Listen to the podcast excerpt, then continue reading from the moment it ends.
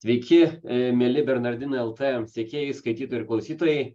Pradedame dar vieną nu, nuotolinę diskusiją, kurios e, tema skamba taip, kaip suvaldyti penktąją koloną. Iš karto pristatau mūsų diskusijos dalyvius, svečius. E, tai yra Jurgita Čiaponytė, LRT tyrimų skiriaus žurnalistė ir Giedrius Sakalauskas, Pilietinio sparumo centro Respublika vadovas.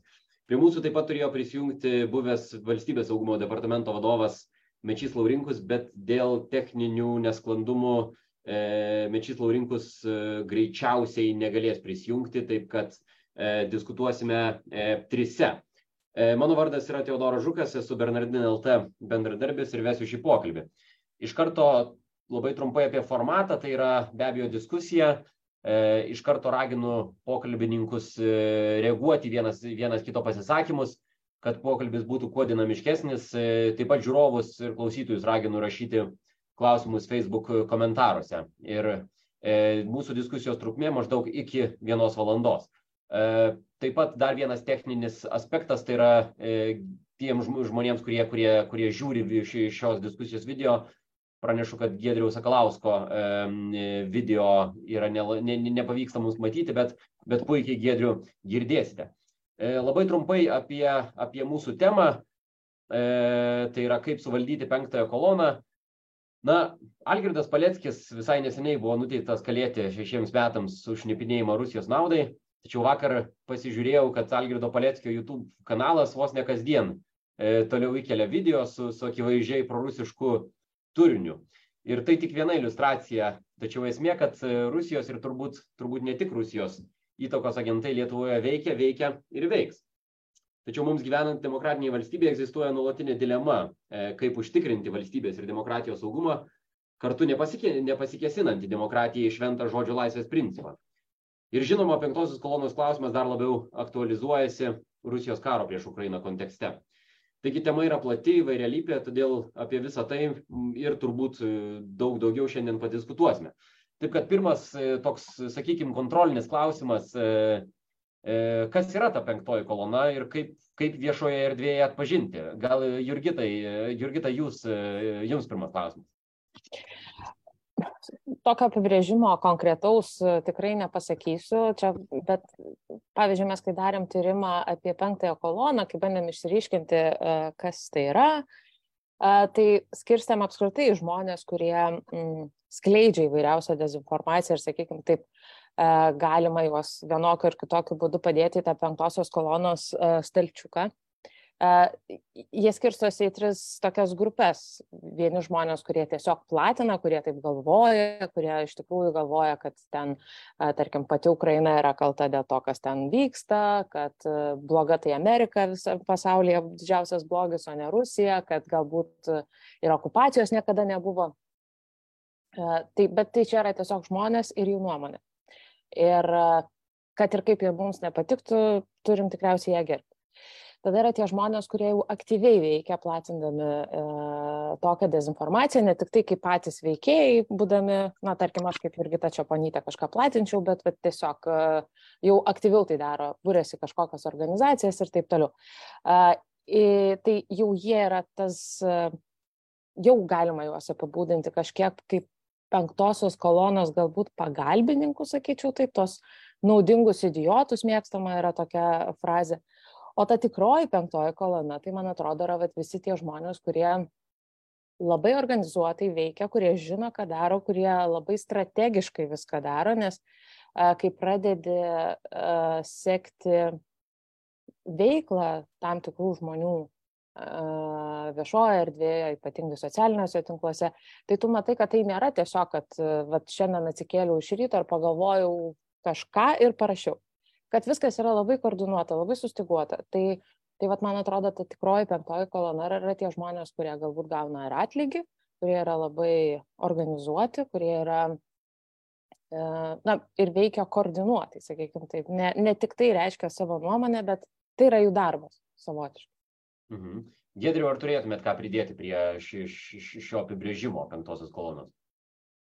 Tai Jurgita paskutinį variantą pasakė, iš tų trijų tai yra penktoji kolona, tai jūs atsimenate, tai kilę iš Ispanijos pilietinio karo, tai, tai tie, kurie laukė ateimo ir, ir ir kenkia visapusiškai. Nu, tai antivalstybinė, atvira antivalstybinė veikla. Mhm. E, Jurgita, dar toks klausimas, o kaip vat, būtent, e, e, kokie pagrindiniai indikatoriai leidžiantis atskirti e, tą, va, tai, kad, kad, ta, kad tai yra daroma sąmoningai? Būtent viešoje erdvėje, ką jūs tyrėte ir kai, ką jūs matot. Nes, nes be abejo, kad, pripažinkim, mūsų valstybė yra, pla, atrodo maža, bet vis tiek yra plati, daug nuomonių ir yra na, žmonių, kurie tiesiog kalba, galbūt nelabai suprasdami, apie ką kalba, bet kur jau, kokie pagrindiniai indikatoriai, kad jau kažkas yra daroma sąmoningai. Uh, galiu pasakyti tokį labai paprastą pavyzdį. Tarkim, mano teta kuri mėgsta labai dalintis įvairiausiomis dezinformacinėmis žinutėmis ir, ir sėdi įvairiose grupėse tokiuose. Tai ji tikrai nėra penktoji kolona. Ji tiesiog taip galbūt galvoja ar kažko dalinasi. O atpažįsti tu tos žmonės, kurie jau veikia antivalstybiškai, jie dažniausiai yra labai artimai tarpusavį susiję. Jie yra kokiuose nors organizacijose bendrose ir taip toliau vienas kito, jeigu čia tik tai apie socialinius tinklus kalbėtume, vienas kitų žinutėmis dalinasi, organizuoja, vieni organizuoja kokius nors protestus, kiti ateina. Tai va yra ta tokia, kur aktyviai veikia, kur diena iš dienos veikia aktyviai ir jeigu matai, ką jie rašo ir kas kel, ir dažniausiai kuria turinį. Ir kai matai, koks yra jų turinys sukūriamas, dažniausiai jisai atsikartoja, ką skelbia, pavyzdžiui, jau oficialūs prokremliški kanalai ir taip toliau. Tai va, taip, man atrodo, paprasčiausiai yra atpažinti, kai tai yra, nu, tikrai žmo... tai yra žmonių darbas. Skleisti tą tokią dezinformaciją, tai yra jų darbas ir supranti, kad jie iš esmės gyvenime daugiau nelabai ką veikia. Mhm. E, aš manau, kad gal galim paprastai ir pabandyti įvardinti, tuos pagrindinius, pagrindinius asmenis e, ar pagrindinės grupės, e, kas yra Lietuvoje tie penktosios kolonos veikėjai. E, nežinau, gal Gedriau, jūs galėtumėt iš savo, iš savo tokios pilietinės perspektyvos pateikti savo, savo, savo, savo žiūrą šitą klausimą. Aš manau, kad, kad žurnalistiniuose tyrimuose jie buvo visi įvardinti.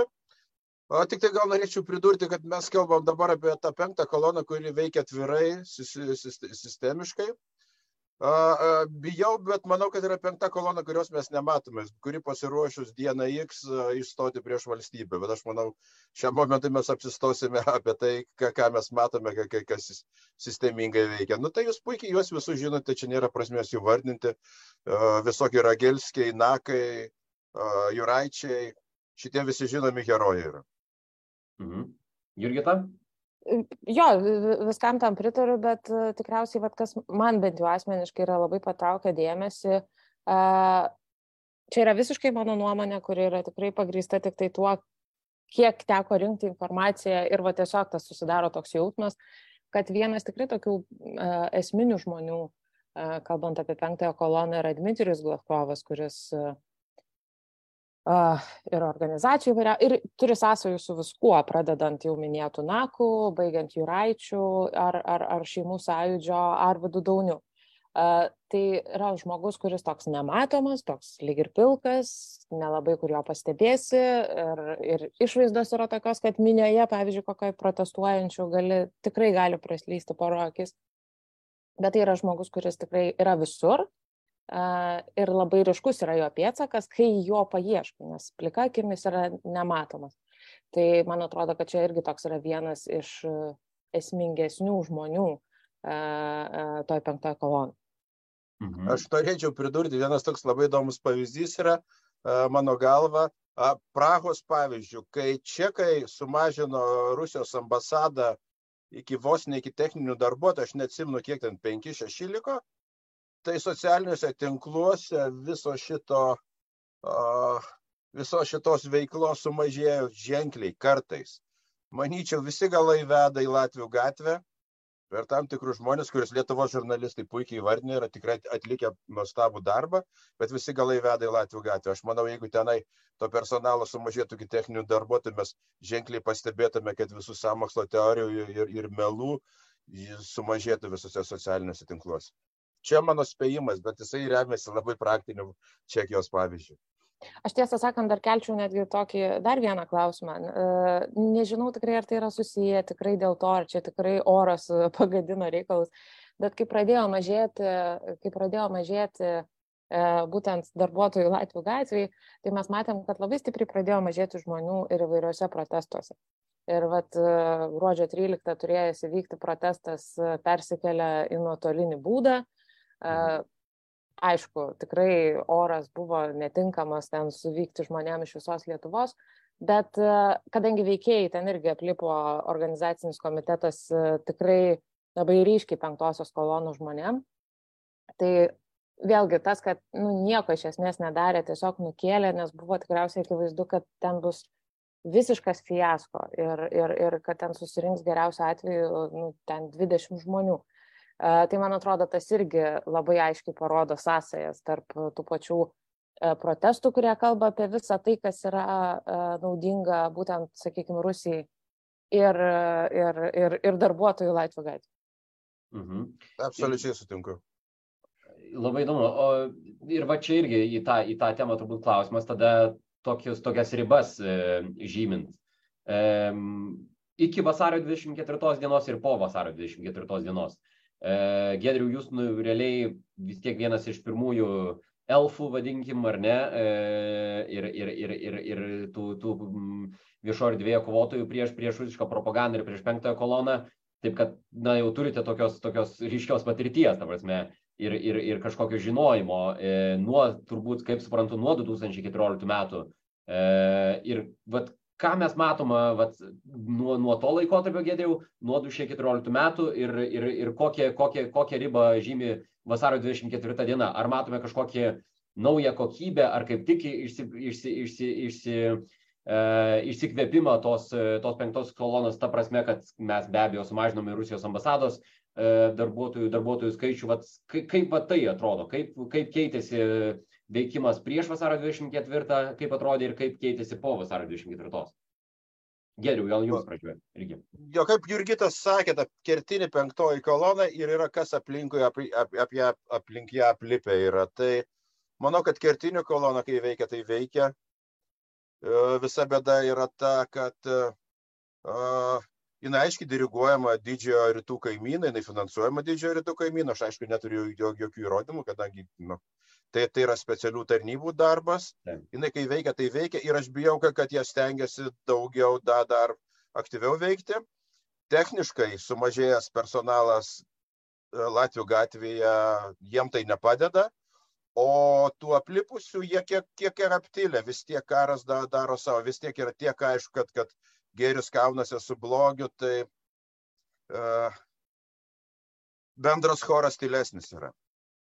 Ir, ir čia vat, yra, irgi yra dar toks svarbus dalykas, man atrodo, ką pridurčiau, tas, kad vis tiek Lietuvoje didžio, nu, penktosios kolonos juk yra esmė pritraukti savo daug, ne tik atėjus dienai X išstoti, ar ne, bet ir iki to laiko auginti tą bendruomenę, tų žmonių, tų palankių žmonių.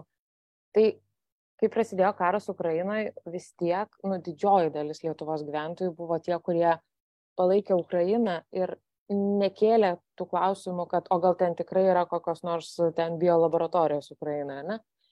Tai, tai man atrodo, kad jiem yra tiesiog labai sudėtinga, nes reikia labai stipriai laviruoti, negali sakyti, kad Rusija labai gera, bet tuo pačiu metu turi kelti klausimus ir, ir, ir tarsi kažkaip pat pritraukti prie savęs, tai už tai man atrodo, kad nu, jiem tiesiog tikrai uh, sunku uh, prasidėjus karui, buvo labai labai sunku uh, kažkaip uh, toliau sėkmingai veikti. Mhm. Alio. E, taip, gerbiamas Mečiai, ar girdite mus? Nu, va, galų gale, Jėzus Marija, ten. Taip, puiku, tai mes esame tiesioginiai transliacijoje, gerbiamas Mečiai. E, tai, tai tada mes jau pradėjome diskusiją e, apie, apie išsiaiškindami, sakykime, savokas, e, kas yra ta penktoji kolona, pagrindinius veiklos principus. E, na ir jums klausimas turbūt e, pirmiausia klausimas kaip kaip e, buvusiam valstybės saugumo departamento vadovui kaip kaip jūs matėte būtent e, penktosios kolonos veikimą tuo metu, kai jūs buvote vadovaujančiose pareigose nuo 98 iki 2004 metų. Labai įdomus periodas, e, karo veiksmai, Rusijos karo veiksmai nevyko tuo metu, nei prieš Ukrainą. Bet, Tai prieš bet mus nevyko. nei prieš mus nevyko, bet, bet kaip va tada atrodė, kaip, kaip jūs galėtumėt pasidalinti, tiek kiek galite be abejo, kiek jums Nu, reikia. Istoriškai aš žinau, kas yra e, penktoji kolona. Tai jie 36 metais e, gimusi pilietinio karo metu Ispanijoje. Tai jie praktiškai keturios kolonos žengė e, frankistų į Madridą, penktoji kolona laukia mieste. Tai, e, tai e, konkretus. e, Paskui jie Ernestas Hemingvėjus e, pa- parašė net pjesę penktoji kolona kadangi jis e, buvo ki- ten. E, Ir, e, bet e, paskui išplito tas terminas. E, Čerčilis bijojo, kad bus 2 milijonai vokiečių, e, e, kitaip sakant, Anglijoje. E, Ir, bet e, tas e, nepasitvirtino. Paskui ta penktoji kolona buvo visai pe- perkeltinė prasme visai naudojama. E, Ir vartojamas pats žodis, terminas. E, Tai e, Nu, e, ką reikia pasakyti? E, e, Kad būtų penktoji kolona, tai reikia, kad būtų narių. Tai pirmiausia, kad būtų ne keli žmonės, o būtų kolona. Bet jeigu tos kolonos nėra, nu, tai ką čia nėra apie ką labai daug kalbėti. Šiaip dabar va Rusijoje. Tai Duginas, žinomas čia e, visiems pavardė, jo e, nu, pa- pagal įvairias čia istorijas. Tai, e, tai jis sako, kad dabar yra penktoji kolona ir net šeštoji kolona prieš Putiną nukreipta. Tai kas ką vadina penktąją koloną. Nu, čia perkeltinė prasme, tai reiškia kažkokie priešininkai arba palaikantis tam tikrą pusę. E, Nu, dabar Lietuvoje. Ar Lietuvoje e, kas e, palaiko Putiną? Nu, yra, kurie balsuoja už Putiną, taigi yra balsavimai. Vyksta, kada prezidentiniai rinkimai balsavo, tai balsavo už juos. Aš nežinau, koks čia procentas buvo ir koks skaičius, bet e, jų buvo. Ar jie yra dabar palaikantis Putino pradėtą karą? Šito mes nepatikrinsim. Tai ne- nežinom, kaip tai yra. E, Nu va, tai turim tokią istoriją, kada man teko vadovauti, Mhm. aš paprasčiausiai užsiėmiau tokiu dalyku. E, Nebuvo iki tol, e, čia galbūt jau mano įvedimas buvo, sustiprinau visuomeninių procesų tokį monitoringą. Tai visuomeninių procesai, tai departamentas, aplamai saugumo tarnybos turi žinoti, kas vyksta krašte. Turėti informaciją konkrečiai, kas vyksta. Tuo metu buvo, nu, sakykime, mano patirtyje, tai buvo, aišku, jedinstvo kažkada tokia. E, Tai jie- jie- bet ta jedinstvo išsisklaidė, visi paseno, e, daugelis išvažiavo į, į Londoną, e, dirba įvairius darbus, sugrįžta, o ką jie širdyje galvoja, Dievas jau žino. Žinai, tai aš žinau tokį vieną atvejį, kurie grįžta iš Londono, esu matęs ir sutikęs, tai jie, jie yra putinistai, bet vis tiek gyvena Londone, ten jie e, siekia, pa- gyvena iki tol, kol e, užsitarnauja pensiją ir taip toliau. Tai, e, nu, vat, tokio tipo yra žmonės. Tai ir dabar kaip, kaip ką nuo ko atskirti, čia yra sudėtingas gana procesas. Tai e, mes monitorinom, e, žiūrėjau, nu, tą tokią visuomeninių procesų, visą skalę, kaip jau minėjau, tai vieni tokie jau politiniai, bet jie jau buvo išnykstantis, tai tiesiog pagal amžių. E, O e, nauji atsirasdavo, bet iš visai kitokių sričių. E, Jeigu atsirasdavo ten skinheadai kokie, ten dar kas nors, atsirasdavo tokie pseudonacijai kažkokie, paskui, nu ir taip toliau, bet tai tokie humoristiniai daugiau. E, be, nu, gali būti. Tai dabar mes bandėm e, klasifikuoti, turėjom gerus tokius specialistus, buvo daug religinių sektų e, tuo metu. E, Tikrai, buvo, jos labai, buvo tos e, jų ritualai tokie vidiniai, ten Ignalinoje buvo ir taip toliau, gana žiaurus tokie. E, Nu, kaip atvirai pasakė, ten tėvai skusdavosi ir ten vaikai kentėdavo, bet jie patraukdavo kažkokiu būdu. Paskui ten jie, jos ten pavyko ten per įvairius procesus, kaip, nu, jie dingo, ten tie žmonės išvažiavo, e, nu ir taip toliau. Tai dabar su kokia nors kitokiais judėjimais, kurie būtų kažkas panašu į tą terminą penktoji kolona, e, kada man teko vadovauti, aš ypatingai nesusidūrė. Tiesiog nesusidūrėm tada. Buvo įvairiai, tai visuomenė diferencijavosi įvairiausiai, tada atsiranda, ko tik nenori. O dabar Vokietijoje ėmė ir atsirado kažkokie tai, e, kaip jie tai, Reiksbürgeriai, kaip nebežinau net kaip vadinti, nu, nu tokie dinozauriniai reikalai, bet e, ten jokingi jie iš principo, nors, bet esmė yra ta, kokie kas jokingi bebūtų, jie dabar prieina prie ginklų. O čia yra pagrindinė problema. Nes tų bepročių būdavo pasaulio istorijoje masis.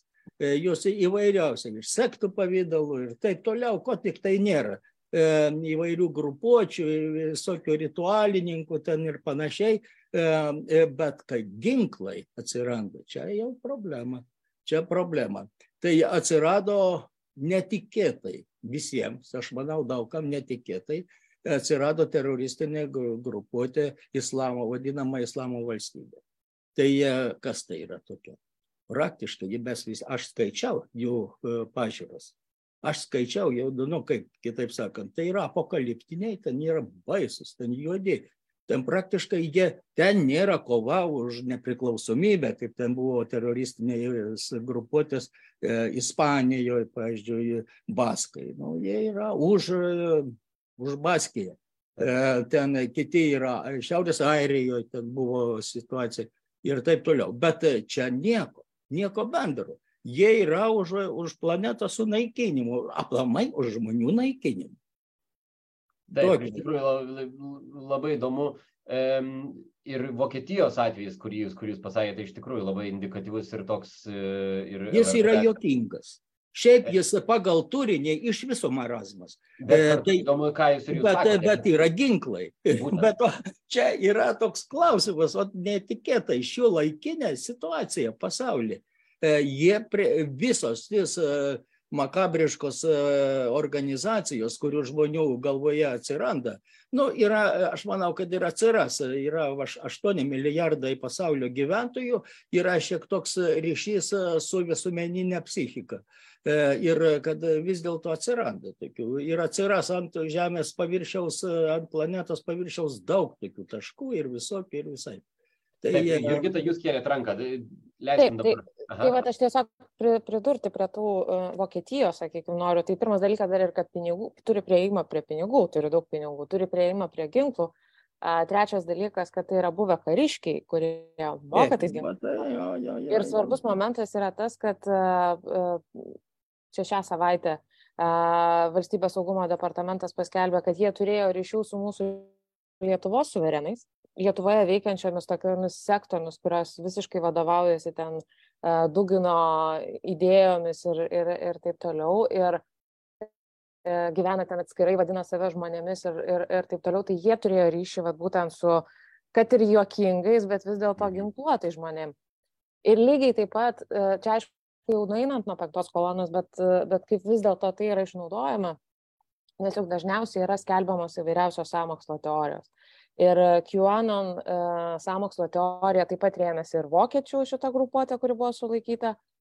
Lietuvoje, va, tarptų uh, sektų narių irgi yra šiek tiek to niuansų iš, iš, iš to samokslo teorijos. Ir kapitolijų šturmas, kai vyko Junktinėse valstijose, iš esmės jisai buvo paremtas, na tai buvo viena, e, e, žmonės, kurie iš esmės ėjo šturmuoti e, kapitolijų, jie buvo įtikėję irgi tomis pačiamis samokslo teorijomis. Tai Rusija tiesiog skirtingose valstybėse, pavyzdžiui, Lietuvos konkrečiai atveju, moka išnaudoti žmonės, kurie lengvai pasiduoda įvairiausiam samokslo teorijom.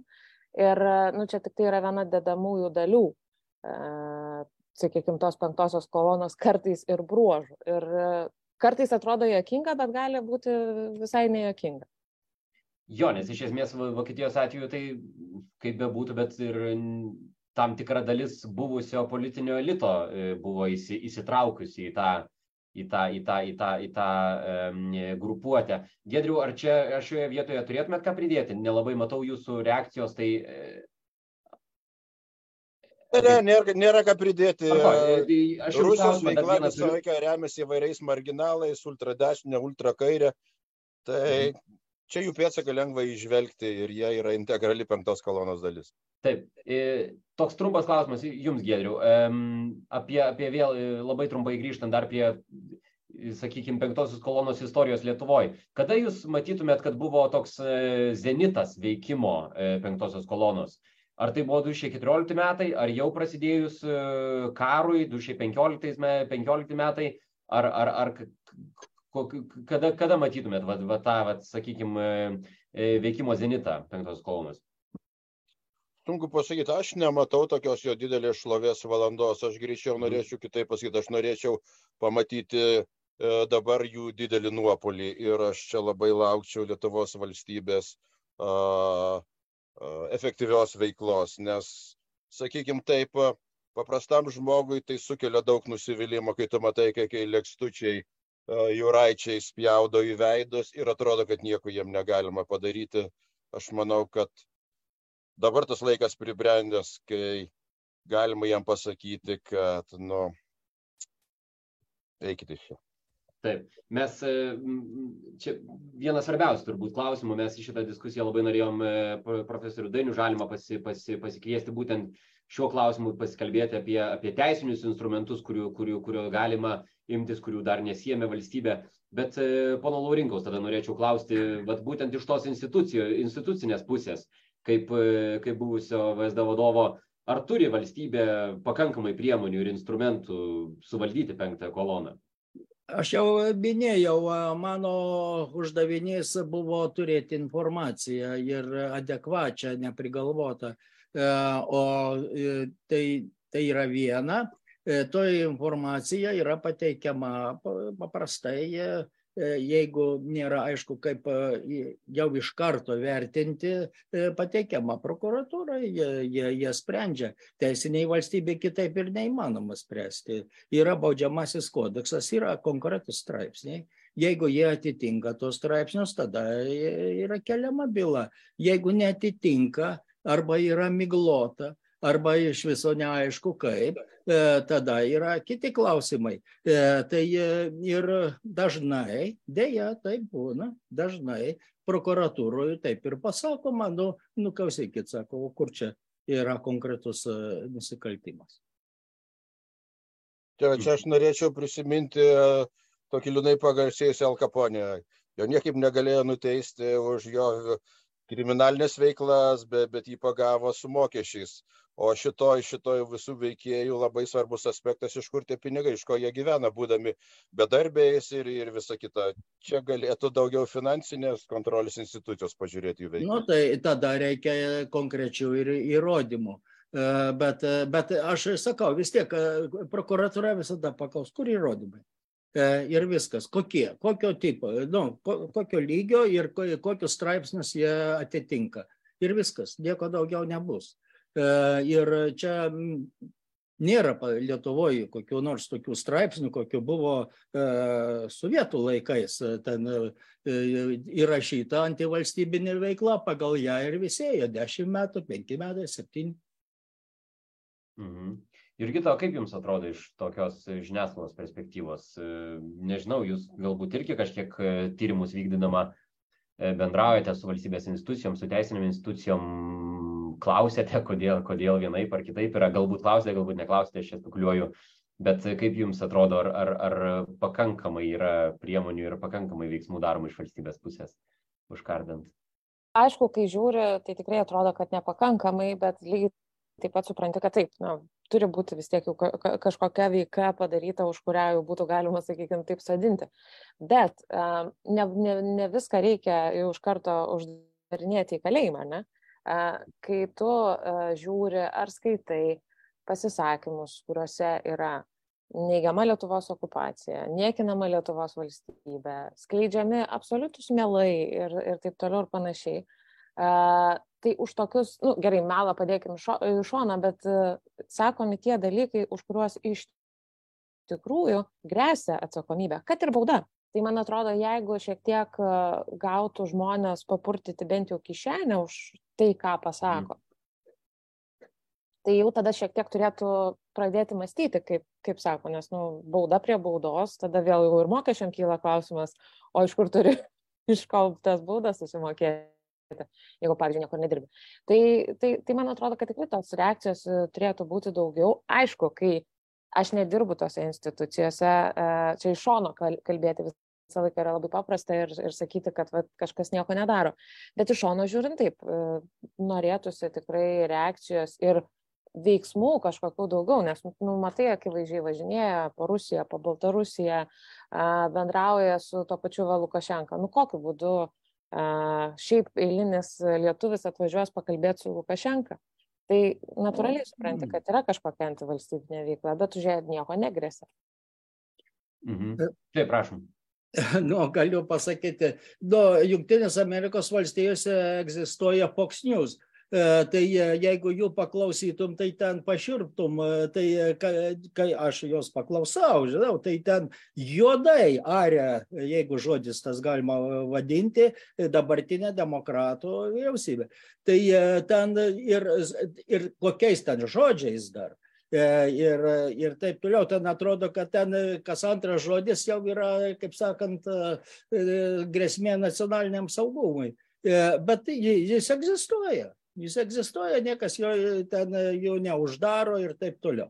E, tai, e, o dabar išleido Italijoje, e, yra išleista knyga apie karą Ukrainoje ir apie Putiną ir taip toliau. Nu, vienas žurnalistas, nežinau, jis žurnalistas, politologas, e, dabar išleido, ji ten platinama yra E, gana tokia stora knyga, ten visas surašyta, visa kita, ten praputiniška, praktiškai taip, konkrečiai. E, ir, bet, nu, jie ir yra platinama knygynuose, visa kita, internete gali atsisiųsti. E, tai ir visa kita. Tai ten niekas ten, kaip sakant, jo nenagrinėja teisiniu keliu to autoriaus. Tai ir daug tokių dalykų yra. Tai E, čia dabar nu, yra žinomas vienas Junktinių Amerikos valstijų e, kino, Hollywoodo kino režisierius, labai garsus. Keturių valandų filmą apie Putiną sukūrė ir e, platina visam pasaulyje ir, ir visa kita. Garsus režisierius, jis pats pinigų turi tam. Tai, nu, nu va. Mm. Bet ar čia mes gal... Aš... Taip, prašau, Jurgita. Aha, aš labai trumpai tik tai noriu ten E, taip kažkaip e, besiklausant e, kilo ta mintis, kuri šiaip yra labai svarbi, ta pati žiniasklaida, ar ne, Fox News, mes turim Lietuvoje krūvą įvairiausių kanalų, kuriais yra skleidžiama vienokia ar kitokia informacija ar dezinformacija. Jeigu su jais būtų pradėta elgtis taip, kaip yra elgiamasi su normalia žiniasklaida. Pavyzdžiui, aš kažką paskelbusi, žinau, kad mano kiekvienas žodis turi būti patikrintas, nes kitaip aš eisiu į etikos komisiją, į teismą ir taip toliau ir panašiai, ir aš turėsiu atsakyti už savo žodžius. Šitai daliai niekada niekas nekelia tokių reikalavimų ir jie gali kalbėti kairę ir dešinę, kaip jie tik tai nori. Ir taip čia yra problema, nes niekas nenori jų skūsti, e, nes tarsi tu taip juos legitimuoji, nes nu, padarai kažkokio tai tarsi kažkokius svarbius veikėjus, tada dar pripažįsti, kad tai neva yra žiniasklaida, nes jeigu apskundi žurnalistų ir lydėjų, pavyzdžiui, etikos komisijai, ar ten visuomenės informavimo inspektoriui. Tai viskas, tai yra, nu, tarsi jau žiniasklaida, ne? Tai niekas tarsi nenori kišti rankų į purvą. Bet jeigu pradėtumėm, nes, o jie tada ir kalba, ką jie nori kalbėti, skleidžia, kokius nori melus ir už tai neatsako. Tai per tai irgi būtų galima nešti atsakomybę, nes jeigu uh, tie patys visokie YouTube kanalai, tarkim, ne, juos dažnai valdo visokios viešos įstaigos. Tai jie gali gauti elementarią baudą, kas irgi apsunkina šiek tiek veikimą. Jo, šiaip tai, kiek, kiek girdėjau, tai yra visokių idėjų apie, apie, apie reglamentavimą, ar ne, video, video blogerių, bet kol kas taip viskas lietai stumėsi ši, ši, ši, ši, šitoje, šitoje dalyje. E, šio klausimu. E, galbūt toks klausimas vėlgi, Gedriau, jums e, apie tas, mes čia kalbam apie valstybės vaidmenį, užkardant būtent teisinių institucijų, valstybės institucijų, bet o koks visgi yra, vat, taip sakykime, truputį didaktiškai pakalbėkim, koks yra visuomenės vaidmuo ir ką, ką galbūt galėtų taip, kaip jūs darote savo, savo veikloje, ką galėtų kiekvienas pilietis daryti ir ką turėtų daryti, kad tos penktosios kolonos būtų mažiau Lietuvoje. Nėra paprastas klausimas. Taip, taip, manau. tai žinom, paprastų klausimų ne, ne, ne, ne, ne, aš, neformuluojam. Aš manau, kad Lietuvos visuomenė yra, yra, yra pakankamai sveika. Vis tiek, jeigu vertinti, tai šitosios penktosios kolonos mes turime nu, tikrai labai mažai palyginamus su kitomis šalimis, netgi vakarų Europos šalimis. Tų naudingų idiotų pas mus nėra daug nu tiktai visada susidaro įspūdis, kad, kad, kad kadangi jie garsiai rėkia ir lenda visur, tai tai atrodo, kad jų, jų daug yra. Aš manau, kertinis dalykas visuomenė tai yra kritinis mąstymas. Nieko kito, kit, kito, jokio kito recepto nėra, bet čia vėlgi yra, aš manau, ir valstybės vaidmuo, švietimas yra, kiek atugdyta kritinį mąstymą. O visuomenė, jinai, nu, aš, aš sakau, viso, aš, tikėkit manimi, daug, daug turiu kolegų įvairiose šalyse, Lietuva yra kaip pavyzdys yra. Ir, ir to samoningumo, ar ne, ir to reagavimo į, į, į, į, į melą, kai net e, nie, nu, niekas tavęs neskatina reaguoti. Nu, Tik, tikrai, tikrai taip. Nereikia pamiršti, kad ES nuostatos žiniasklaidos atžvilgių e, ir prie e, rubrikos nuomonės, e, jos gana plačios yra galimybės. E, ir vis dėlto taip ir netgi nuostatose gali perskaityti, kad tai e, yra nelaikoma antivalstybinė veikla, būtinai tai, tai gali būti priskiriama prie nuomonių, kur spektras labai platus yra. Ir politinis irgi. Mhm pono Rinkos dar norėčiau paklausti apie, apie paveikumą e, penktosios kolonos. Vėlgi, e, na, kiek iš, tie, kiek iš tiesų turi įtakos penktoji kolona Lietuvoje. E, man kažkaip norisi tokius, tokius mūsų politinėje istorijoje žinomus atvejus iškelti kaip, kaip Pakso istorija, kaip violetinis skandalas na ir vienreikšmiškai, kad atrodo, kad e, buvo tam tikrų šešėlių, sakykime, to, tose istorijose, e, kai galbūt trečiosios šalis e, veikė prieš Lietuvos valstybę ar, ar siekė kurstyti kažkokius neramumus.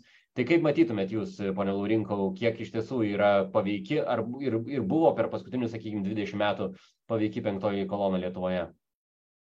Aš nežinau, buvo žmonių, kada buvo diskusijos e, dėl NATO stoti, nestoti, Lietuvoje buvo, kurie buvo prieš NATO.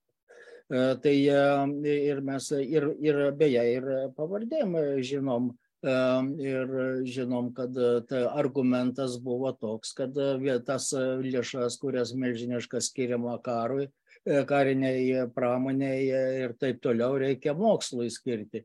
E, tai, e, nu, to, tokia, aš atsimenu, tokia buvo ir tada visuomenė ir diskusija buvo didelė ir visa kita ir taip toliau. Tai e, įvairių dalykų buvo prieš Europos Sąjungą ir prieš Europos Sąjungą ir dabar yra. Bet tas yra argumentas ten koks kitoks jau yra, kad Lietuva praranda savarankiškumą praktiškai tampa tokia iš, nu, kaip čia, paraštinė tokia valstybė. E, tai jie ir praktiškai jie neturi, realiai jau nebeturi ten įvairių e, savo svertų ir kaip ir užsienio politikoje ir taip toliau. Tai ir praktiškai viskas priklauso nuo susitarimo, nu, kitaip sakant, tam tikrą, atidavusi tam tikrus savo įgaliojimus, ji praktiškai praranda ir tam tikrą savarankiškumą. Tai, e, tai yra, tokių žmonių yra. E, ir beje buvo ir žinomų ir iš signatarų tarpo, ir mes tą irgi žinom, ir, ir plačiai ta, apie tai pasisakinėjo. Yra kraštutinės tokios įvairios kryptis, do, tokios, nu, bet jos neturi didelės reikšmės, niekada neturėjo. Nei pandemijos metu, kad ten, sakykime, nesiskiepyti ar kitur. Aš, pažiūrėjau, mačiau, kaip vyksta Portugalijoje, kaip vyksta Ispanijoje, tai ten buvo netgi didžiulės eitynės gatvėse prieš skiepus. Lietuvoje nebuvo. Tai, nu, įvairiai. Jurgita, bet jums klausimas irgi būtent atsispiriant nuo, nuo, nuo to, ką ponas Laurinkus sakė, koks yra Rusijos penktosios kolonos santykis su, su, su Lietuvoje veikiančių, labai konkrečiai pasakysiu, šeimų, šeimų maršų ir, ir, ir, ir Lietuvoje veikiančiais prieš, prieš skiepus nukreiptais judėjimais. Klausimas yra, ką jūs matote savo tyrimuose, ar Rusijos penktoji kolona yra įsiskverbusi į šitos judėjimus, ar tiesiog naudojasi jais, kaip siekiant, savo, siekiant skleisti savo, sakykime, prieš Lietuvą nukreiptus naratyvus? Aš tai sakyčiau gal kad labiau yra prisišliejusi ir besinaudojanti. Aišku mes matom ir tuos pačius tarkim šeimų sąjūdyje veikėjus su kurie lygiai taip pat bendrauja ir palaiko ryšius ir turi verslus tarkim su su jau tais tikrai penktosios kolonos veikėjais bet jie bent jau bando labai save taip atskirti kad na nes nesusieti savęs nes ten jau pavyzdžiui toks šeimų maršas tai jie tikrai turi daugiau jau tokių politinio avantiūrizmo jau čia ir su lietuvos valstiečių žaliųjų sąjunga jie ten jau kažkaip labai meiliai bendrauja ir savivaldos rinkimus eis ten vieni kitus remdami. Tai yra, aš manau, kad tai yra tiesiog bandymas išnaudoti palankę terpę, kad, kad vat, atsirado tema, atsirado susipriešinimas tarp žmonių, tai kodėl jie nepasinaudojus ir dar neįpilus to, to žibalo į, į, į ant to viso laužo, kuris, kuris kilo. Ir tai buvo tikrai labai naudinga ir labai pasitarnavo visom, visiems, sakykime taip, antivalstybiniam veikėjam, bet aš nemanau, kad tai buvo būtent jų konkrečiai kurtas dalykas. Nu, gal galėčiau pasakyti. Ne, ne, šeimų sąjūdis nėra penktoji kolona ir kažkaip įjungti į tą tokią zoną, tai negerai. Šia, nu, vis tiek yra konkretu, šeimos sąjūdžio bent jau kažkoks tai tas brandulys, dar kas nors, nežinau, kaip kas palaiko, tai yra prieš partnerystės įstatymą, tai čia labai aišku. Šiaip jie yra ir prieš liberalus Lietuvos įvairių sričių. Tai yra pakopų liberalus, ar ten būtų šeimašiaus, ne šeimašiaus, nesvarbu. Tai, bet yra už, už būtent tokias nuostatas. Tai, nu, čia iš dalies aš galiu pasakyti, tai lyg ir bažnyčios nuostata yra. Tai čiagi nepaslaptis. Tai, tai vadinasi, yra kažkas šiek tiek kitaip. Aš manyčiau, kad šiuo požiūriu, šiuo požiūriu, aš tam, kadangi būdamas ambasadoriumi Ispanijoje, tą mačiau aiškiai, kaip vyksta šitie procesai, susirinkdavo po du milijonus protestuotojų prieš partnerystės įstatymą ir taip toliau. Aš tą puikiai mačiau, esu buvęs tose mitinguose žiūrėti, kaip ten kas atrodo. Tai ir, nu, taip gana grėsmingai. Tai tas katalikiško pasaulio toks nuostata, ji dar tik tai formuojasi, čia dar ne pabaiga.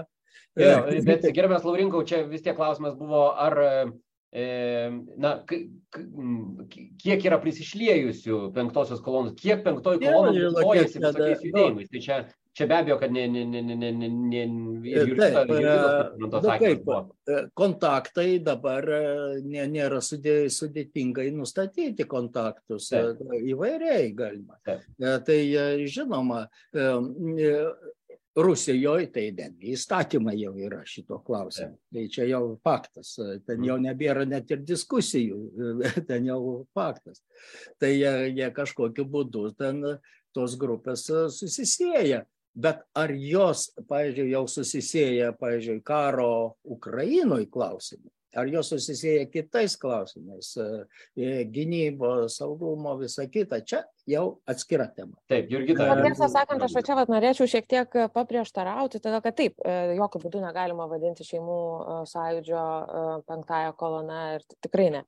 Bet mes matom, kaip yra ir tose pačiose vakarų valstybėse įvairios organizacijos, kurios kovoja, prieš, kovoja už šeimą, deklaruoja, kad kovoja už šeimą ir prieš partnerystę jų su, suveda, sakykime, taip visi finansavimai ir taip toliau jau ne vieną kartą žiniasklaidai buvo skelbti, skelbti tyrimai įrodyta, kad finansavimai, pavyzdžiui, atėjo iš Rusijos įvairių fondų. Tai prisišlėja ir išnaudoja. Tai nereiškia, kad tai yra penktoji kolona, bet pasinaudoja, kad paskatintų labiau, sakykime, taip tą visuomenės susipriešinimą. Dabar kalbant apie tai, e, ar tokios organizacijos, sakykime, tokios labiau krikščioniškos, už krikščioniškas vertybės, ar ne, ar jos yra, jos, e, kad nepasisako, pavyzdžiui, prieš ES ar prieš NATO. Šeimų sąjūdis, taip jie nesako, kad mes prieš ES ar prieš NATO, bet jų narių e, pasisakymuose socialiniuose tinkluose yra nuolat sistem, sistemiškai kritikuojama ir visai kaip bandoma parodyti, koks blogis ateina iš vakarų. Niekada nėra nieko sakoma apie tai, pavyzdžiui, o kuo blogai yra Rusija. Yra vien tik tai blogis iš vakarų, štai pažiūrėkit, ką ES mums daro, o štai e, pasižiūrėkit, kiek mes išleidžiam pinigų ginklam, kodėl mes čia turim pirkti ginklus ir taip toliau. Taip, nėra sakoma, kad e, nu, pati kalta Ukraina, kad, jie, kad ją užpuolė, bet netiesiogiai kontekstai ir pati, pats tas spalvos, kurios yra, kurios yra perdodamos jų pasisakymuose, tai yra labai palankios Rusijai. Ja. Mhm. Tai jau priklauso nuo analitikų. Taip, taip, taip, bet, bet vis tiek mes matėm tyrimus, kur, kur, kur gana aiškiai tai, tai indikuota, kad, kad be abejo, kad yra tų asmenų, kurie, kurie sakykime, kurie, kurie skleidžia tokią, tokią retoriką. Bet jie neturi visuomeninio palaikymo. Jo, jo, be abejo, be abejo. Čia, čia, čia tik kitas klausimas, be abejo, kiek e, galėtų būti, vat, kaip tik klausimas, kiek iš tikrųjų turi, turi palaikymą ta penktoji kolona e, Lietuvoje ir, ir, ir nežinau, ar čia, ar čia mes turėtume iš tikrųjų kažkaip rimtai svarstyti, kad, kad yra, turi įtakos valstybės, valstybės, e, na, sakykime, valstybės sprendimams penktoji kolona. Ar galėtume, Jurgita, taip sakyti, kažkokiu būdu? Tokiem, tokiem, kad labai šalies kažkaip krypti keičiantys, tai aš tikrai neman, tikrai, tikrai ne kažkokie maži etapai, kažkokie supurtinimai, susitikimai socialiniuose tinkluose ar ten dar kažkas, tai aišku, kad veikia, bet taip jau, kad ten kažkaip pakeistų visą, visą valstybės kryptį, tai tikrai ne. Bet e, kas, kas tikrai b, gana baisiai, man atrodo, e, tai yra tai, kad e, la, mes gyvenam labai dideliam nuo tokiam informacijos laukia ir tikrai yra labai sunku suvokti, kur yra tikra žinia, e, tikra informacija, kur yra dezinformacija. Tai visi tie judėjimai, ir nesvarbu, ar jie yra penktoji kolona, ar jie nėra penktoji kolona, tik tai, kad jais yra naudojamasi, bet jie visi skleidžia dezinformaciją, ypatingai apie a, vakarus, na, Europos Sąjungą, apie NATO, ir taip skatina visuomenės nepasitikėjimą tiek šitom organizacijom, tiek nepasitikėjimą žiniasklaida ir patikrinta informacija. O tada vat, tokius, e, sakykime taip, suklaidintus, supykdytus e, žmonės yra daug lengviau patraukti jau į tą tikrąją penktą koloną.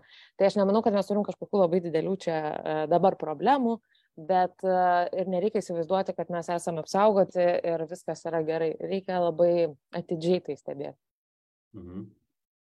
Gedriau, vėl jūsų nematau, jeigu turit komentarą, tai tiesiog galit prabilti. Bet... Tai prabilsiu, aš noriu porą žodžių pasakyti, kad yra, nu, tai visam pasaulyje Rusijos modus operandi ieškoti bet kokios galimybės įnešti nesantaiką visuomeniai. Bet kurio klausimu. Tai yra klasikų klasika, kaip Amerikoje veikia per Facebook'o grupės. Viena grupė e, kviečia nuversti paminklą pilietinio karo generolui, kita grupė kviečia jį ginti ir kai giliau pažiūri, už abiejų grupių sto, stovi uh, Rusijos veikėjai. Koks tai bebus klausimas, kur mes galėsime ginčytis, ten jie dalyvaus. Tai yra buvo ir bus. Tik tai seniau buvo sunkiau, kai nebuvo tokios klaidos, socialinių tinklų nebuvo. Dabar visą tai lengviau. Ta mes turime amžiam žinoti. Bet mhm. yra situacijų daug e, vakarų valstybėse, kur nėra jokių Rusijos veikėjų. Tai antiimigracinis klausimas, kuris sulaiko, e, sulaukia kai kur ir, ir Didžioji Britanija sulaukia, ir, e, ir sulaukia ir Italijoje, sulaukia ir, nu, įvairiose valstybėse, aš jau nekalbu ir Prancūzijoje, tai, tai antiimigracinis. Tai, tai taip, jie ir visuomenės palaikymas sulaukia, kad ten labai stovėtų rusai, tai taip nėra. Bet va, čia va, ir pritariu, ir papildyti šiek tiek norėčiau, kad uh, įprastam pasauliu tai taip, bet kai yra socialinė erdvė, socialiniai tinklai yra taip lengva skleisti įvairiausią ir pasiekti įvairiausias grupės, nes pavyzdžiui, kai mes darėm tyrimą uh, tos penktosios kolonos kai, uh, socialiniuose tinkluose, kaip jinai veikia, kaip, žodžiu, kokie burbulai ir, ir taip toliau, kokie tinklai, tai buvo labai įdomu stebėti kad pavyzdžiui straipsniai dezinformaciniai straipsniai kurie yra parašyti lietuvių kalba ir nutaikyti lietuvos auditoriją jie pasklisdavo nuo kazachstano iki brazilijos grupių įvairiausių. Tai ir jie ten irgi su, su, sulaukdavo įvairiausių reakcijų. Tai pasiekti dabar bet kurią valstybę yra labai paprasta ir nes ir o jeigu žmonių yra sakykim didesnė dalis visuomenės kaip ir pavyzdžiui anti antiimigraciniais klausimais ar ne yra nemaža grupė žmonių kurie iš tikrųjų be jokios įtakos e, galvoja tarkim ar ten yra susipriešinę ir taip toliau tai juos paveikti yra dar paprasčiau kai dar trupučiuką vat per socialinius tinklus e, pakiršini iš bet kurio pasaulio galo ir jau judam link pabaigos ir tokį e, turbūt e, esminį klausimą, nuo kurio ir e, apibūdinimo ir pradėjom šią diskusiją, tai yra tos, tos įtampos tarp e, mūsų demokratinės santvarkos ir taip, kaip mes, kaip mes e, gyvename viduje ir kaip mes e, sprendžiame reikalus ir kartu va, tos tokios, e, tų tokių antivalstybinių e, elementų ir kaip išspręsti tą, tą sakykime, dilemą, kaip kovojant su penktąja kolona nenueiti link cenzūros. E, vat, kaip čia tą ribą atrasti, sakyčiau, vat, toks klausimas būtų. Tai pirmiausia, gal, gal, gal Giedriui klausimas, po to, po to ponui Rinkui ir, ir, ir, ir pabaigs Jurgita Čiaponytė tada. Giedriau. Nu kaip, nu tai tą ir reikia daryti demokratijos rėmose. Reikia į teisinių kelių, reikia galbūt žiūrėti gal į, pagal tą situaciją įstatymus koreguoti. Uh, nu, pasirinkome, mes kovojom už laisvę ir demokratiją, tuo keliu ir turime eiti. Ir, nu, visada, visada penktoji kolona naudojasi demokratijos privalumais, tą turime žinoti ir, ir turime, turim bandyti tai užkardyti. Mhm. Pone Laurinko mano manymu pagrindinė problema e, ne, ne, yra gali būti padaryta klaidų. Nu, pavyzdžiui, į tą penktos e, kolonos statinaitę sukišti visus, kas tik tai pasisako prieš valdžią. E, tai ir arba kad atseit kas tik tai jau kritiškas valdžios atžvilgių, tai jau artėja penktos kolonos. Tai ir čia taip, arba turi kokią nors, sakykime, dėl partneristės įstatymų minčių ir visą kitą, jau artėja penktos kolonos.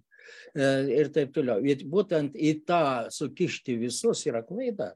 Ir, ir patį terminą vartojant, kadangi jis taip paplitęs yra Europoje, E, tokio to maždaug kaip priešiška jėga e, ir, ir vidinė įardanti, e, tai vat, čia yra tam tikras pavojus. Ir reikia to vengti. O šiaip valstybės saugumo departamentas, kadangi turi tą monitoringo funkciją, tai ją turi ir atlikti ir labai profesionaliai. Reikia profesionaliai atlikti turėti informaciją. O jeigu prokuratūra prašo papildomos, reikia tą padaryti. Taip. Jurgita? Jo, aš visiškai pritariu tam, kad tikrai negalima sukišti visų, kurie kaip nors kritikuoja, ar netgi labai labai negražiai, tarkim, kritikuoja valdžiai, valdžiai, valdžią sukišti į jau kažkokių antivalstybininkų grupuotę. Tas tai tikrai ne, bet man atrodo, apie ką jau turėtų pradėti kalbėti labiau jau, bet čia pirmiausia mąstytojai, mokslininkai, po to jau, kad per visą visuomenės grandis eitų tolin visame pasaulyje, kaip mes e, atskiriame žodžio laisvę ir melą. Nes melas nėra žodžio, nėra lygų nuomonė, nėra lygų mano kažkoks įsitikinimas, kai aš piktybiškai skleidžiu melą tai e, šiuo metu melas visą laiką yra pridengiamas e, žodžio laisvės tokiu šydu ir nesikabinkite prie manęs, viskas yra ok. Tai va tą atskirimą mes turėtumėm pradėti turėti. Jeigu mes jau atskirtumėm, kur yra melas, kur yra nuomonė, viskas tada būtų gerai. Bet čia yra labai sudėtinga, nes politikai mhm. prieš rinkimus, populistai ypatingai tikrai mėgsta meluoti ir nepasakysi, kad uh, negalima tau kalbėti, nes tai bus vėlgi koks nors suvaržymas. Tai sudėtingas klausimas. Puiku. E, labai tokia pamokama nata baigiam, baigiam šį pokalbį. Ačiū labai už, už tikrai turningą pokalbį. Nu, šiandien tikiuosi, kad klausytojams e, buvo įdomu. Man atrodo, kad tikrai atskleidėm nemažai klausimų ir iššūkių. E, dėkoju Jurgitai Čiaponytei, Gedriui Sakalauskui ir Mečiui Laurinkui. E, šį pokalbį taip pat artimiausiu metu galėsite rasti tinklalaidžių platformose Spotify, Apple Podcast ir kitose. O taip pat noriu anonsuoti, kad kitą savaitę, gruodžio 20 dieną, antradienį, diskutuosime gana panašią temą, tačiau kiek kitokia tai yra apie Kremliaus naratyvus žiniasklaidoje tiek Lietuvos, tiek vakarų. Taip kad iki kitų susitikimų, ačiū uždėmesį. Ačiū, ačiū už pakvietimą. Tai už technologinės tas visas nesusipratimus. Nu ką, esu vyresnės kartos, ten kartais su, sutrinka. Viską būna. Ačiū, puiku. Ačiū. Geriausias. Yeah.